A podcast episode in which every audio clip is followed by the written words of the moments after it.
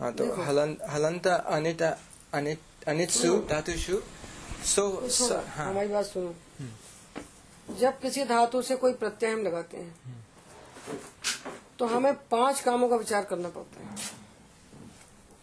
या किसी प्रातिपदिक से भी लगाएँगे तो भी पाँच कार्य आएँगे। वहाँ दूसरे पाँच रहेंगे यहाँ दूसरे पाँच रहेंगे। जैसे अस धातु है अस।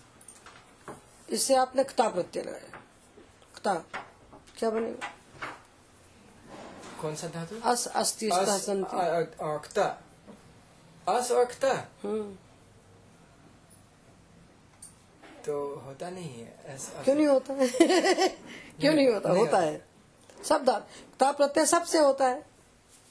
सामान्य है। सामान्य सबके लिए होता है। सामान्य सबके लिए हो। तो सुनो। पानी ने पाँच अलग अलग प्रकरण बनाए हैं। ये पाणिनि ने कितना अद्भुत शास्त्र बनाया है और लोग ऐसा नहीं पाते हैं, पता नहीं क्या क्या पाते हैं पागल जैसे। और छात्र की ज़िंदगी भर प्राण निकाल लेते हैं, उसको पढ़ा पढ़ा के एक एक प्रयोग बनवा बनवा के उसकी ज़िंदगी क्षीण कर देते हैं। देखो असिकता गया। पहला विचार हमें ये करना चाहिए कि धातु को क्या होने वाला है, प्रत्यय को क्या होने वाला है। धातु के स्थान पर कोई आदेश होगा क्या? तो जब धातु प्रत्यय आता है तो अस्तेर भू, अस धातु के स्थान पर भू हो जाता है। तो भूता बनता है। भूता बनता और आंग उपसर्ग पूर्वक गम धातु से हम त्वा लगाते हैं तो त्वा के स्थान पर लेप हो जाता है? एक जगह धातु के स्थान पर आदेश हुआ, दूसरी जगह प्रत्येक स्थान पर आदेश हुआ। पाणिनि के शास्त्र में एक धात्वादेश का प्रकरण है, एक प्रत्ययादेश का प्रकरण है। धात्वादेश और प्रत्ययादेश नाम के दो अलग अलग प्रकरण हैं। इनका ज्ञान होना चाहिए। सब धातु को नहीं होता, पर कुछ को होता है। चक्ष को क्षय हो जाता है। ब्रू को वच हो जाता है अस को भू हो जाता है। ये पूरा का पूरा पानी ने इकट्ठा करके दूसरे अध्याय के चौथे पाद में दे दिया है। और कुछ छठवें अध्याय में दिया हमने दोनों को संकलन करके एक बना दिया है। वो छोटी सी पुस्तक हमने लिखी ना अद्भुत पुस्तक है। कौन सा वो छोटी सी पुस्तक लिखी है जो अभी जो, जो प्रिंट अभी प्रिंट नहीं हुई है। वो व्हाइट पुस्तक दिखाई थी ना अंग कार्य तो पहला उपांग है धात्वादेश। दूसरा है प्रत्ययादेश तीसरा है इडागम। धात्वादेश, प्रत्ययादेश, इडागम। और चौथा है अतिदेश। अतिदेश। सारा धातु मपित अतिदेश। जो गित नहीं है, उसको गित बना दिया। मान लिया। मान लिया। तो बिना माने संसार नहीं चलता है। संसार खुद ही माना हुआ है। संसार है थोड़े। संसार नहीं है। ये मानते हैं हम उसको कि ये है। तो संबंध माने हुए होते हैं संसार में। किसी को हम पुत्र मान लेते हैं, किसी को हम माता बोलते हैं, किसी को चाची बोलते हैं, किसी को कुछ बोलते हैं। इस प्रकार से संबंध बन जाते हैं। छात्र को पुत्रवत माना जाता है। छात्रा पुत्रवत भवती अब पुत्रवत होता है तो पुत्र के समान व्यवहार करिए उसके साथ। और हमारे भारतवर्ष में तो मानने के बहुत सारे संबंध होते हैं। बहुत संबंध होते हैं। पड़ोस में रहने वाला जो लड़का, उसको बचपन से हमने कहा, ये मेरा भाई है। और उसी के बच्चे जो होते हैं, भाई होते हैं। अब वो भाई ही होते हैं, उनके साथ भाई का भाव बन जाता है। तो जो बन जाता है, वही सत्य होता है। तो इसी प्रकार तिप प्रत्यय तो पित है। साधातुक प्रत्यय में कोई प्रत्यय गीत नहीं कहीं भी नकार अनुबंध नहीं है। पर जितने अपित साधातुक उनको गीत मान लिया ये क्या है? अतिदेश। ऐसे 26 सूत्र का अतिदेश प्रकरण है। प्रथमाध्याय के द्वितीय पाद में प्रारंभ के जो 26 सूत्र हैं, ये अतिदेश सूत्र हैं।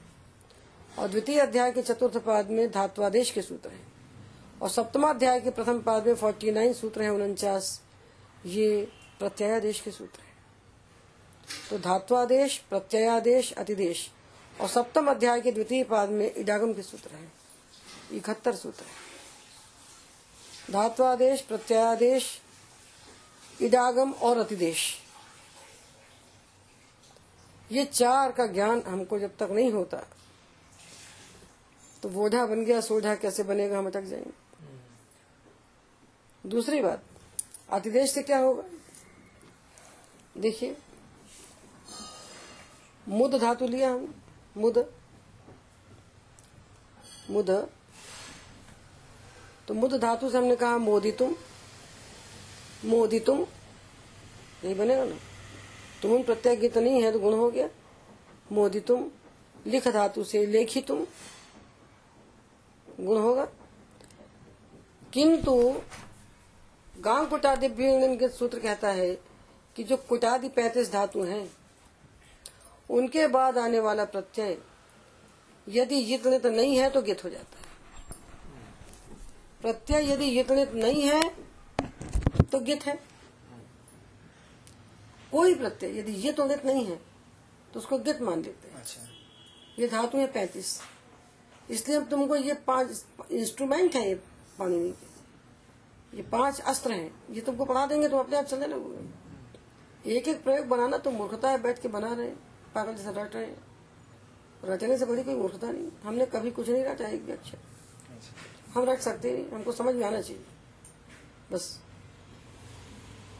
तो देखो हु धातु हु। हु से तुम लगाया तो क्या बना? हो तुम। हु और तुम हाँ बेटा।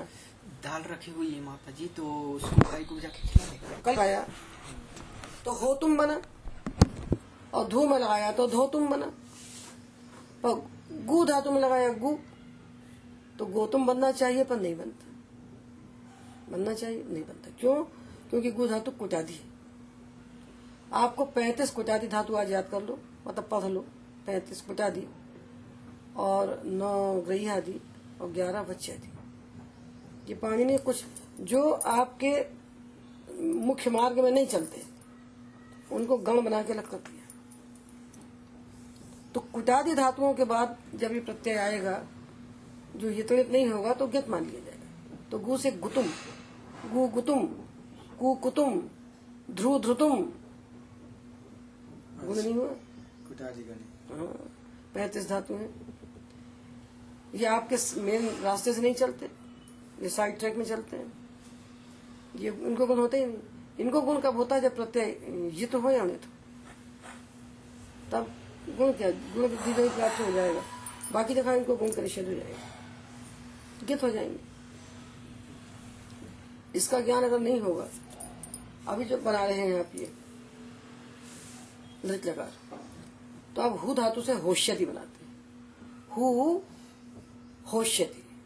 और धू धोष्यति ध्रुव द्रोष्यति, दू दोष्यति, किंतु गु गुष्यति। गु गुष्यति। गुण नहीं होगा। होगा। तो तुमको इडागम बता दिया, अब अधिदेश बता देंगे। तो तब तो बन जाए, तब पूरा होगा। दोनों ज्ञान के बिना पूरे नहीं होते और धात्वादेश बता देंगे।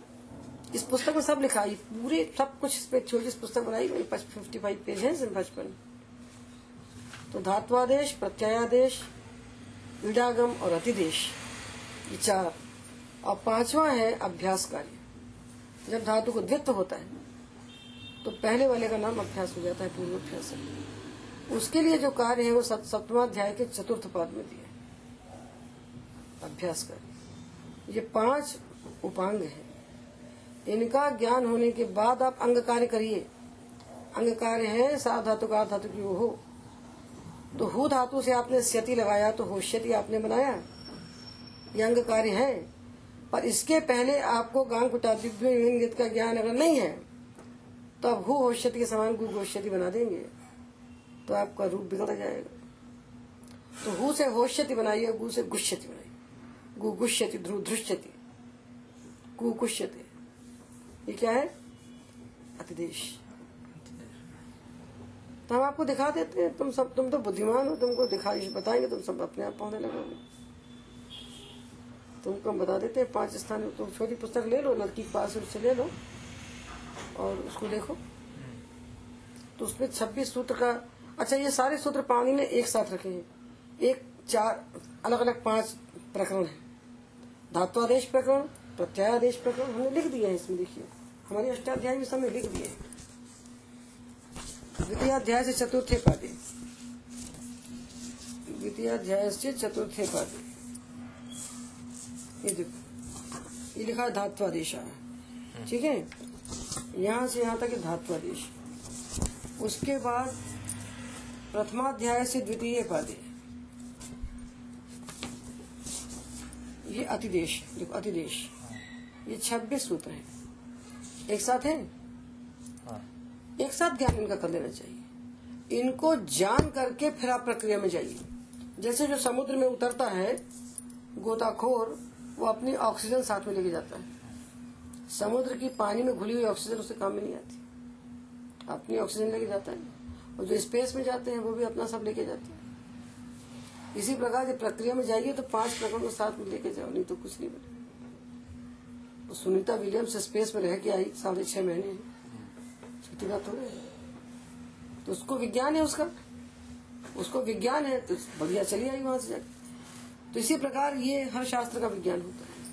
ये शास्त्र के ये धातु से प्रत्यय लगाने के लिए आप चले तो आपको पाँच बातों का विज्ञान होना चाहिए। छठवा अंग कार्य अच्छा। वो ये पाँच के जानने की बात करना चाहिए। ये पाँच को नहीं जानोगे सीधा अंग कार्य जाओगे तो रूप तो भ्रष्ट हो ही जाएगा। समझ गए? ये हमने दो प्रकरण दिखाए। तीसरा देखिए। सप्तमा अध्याय प्रथम पद पानी ने सबको एक साथ क्यों रखा है? एक एक प्रकरण बना के, देखिए, ये प्रत्ययादेश ये फोर्टी नाइन सूत्रों का धत्वादेश, प्रत्यादेश, अतिदेश। उसके बाद सप्तमाध्याय से द्वितीय पादे इडागम प्रकरणम। ये सेवेंटी वन सूत्रों और सप्तमाध्याय से चतुर्थ पादे अभ्यास कार्य। ये यहाँ तक जाता है पादांत ये पाँच उपांग है अष्टाध्याय। प्रक्रिया के अंग कार्य के पाँच उपांग हैं। ठीक है? उपांग यानी सहायक। सब। सो जैसे सोढुम विकल्पेन भवति विकल्प से यदि प्रत्यय तकारादि है तकारादि धातुक है सेठ तो ये पाँच धातुओं को विकल्प से उजागम होगा। पाँच धातु। उसके लिए एक सूत्र होगा। ईश साह लुभ रुष ऋष ईश साह लुभ रुष ऋष पाँच को विकल्प से जागम हुआ। जब विकल्प से जागम हुआ तो सही तुम बन गया हाँ। सही तुम सोझुम सही तव्यम सोझव्यम किंतु उसके बाद एक सूत्र आएगा। तो बहुत मेरा के है पाणिनि के सूत्र। चमत्कार। एक सूत्र आता है यश विभाषा। वो कहता है दुनिया में किसी भी धातु को किसी भी प्रत्यय परे होने पर यदि विकल्प से इडागम कहा जाता है तो सारे धातु निष्ठा प्रत्यय में अनिट हो जाते हैं। निष्ठा मीन्स ताप्तवत हाँ। कहीं भी वेट है तो निष्ठा में अनिट हो जाए। तो चूँकि सह धातु को विकल्प से इडागम कहा जा रहा है तकार आदि प्रत्यय में तो निष्ठा में अनिट हो जाएगा। तो सह बनेगा सोधा सोधवान। और आगे आगे जो प्रत्यय आएँगे उनमें वो वेट हो जाएगा तो सहित्वा सोध्वा सही तुम सोधुम सहितव्यम सोधव्यम किन्तु सोधा सोधवान में एक ही तो निष्ठा निष्ठा के लिए अनिट। कोई भी धातु यदि कहीं भी बैठा है तो निष्ठा में अनिट हो जाएगा सो क्या बता रही थी कि सहित सहितवान? सही तुम सोधुम दो बनेंगे विकल्प कह रहा है ना निष्ठा मतलब हाँ। तो उधर तो अनिट हो जाएगा। निष्ठा में एक ही रूप बनेगा। वो एक ही रूप क्या है? नेट किस? अनिट किस? अनिट अनिट। अनिट। हाँ। तो सहितवान।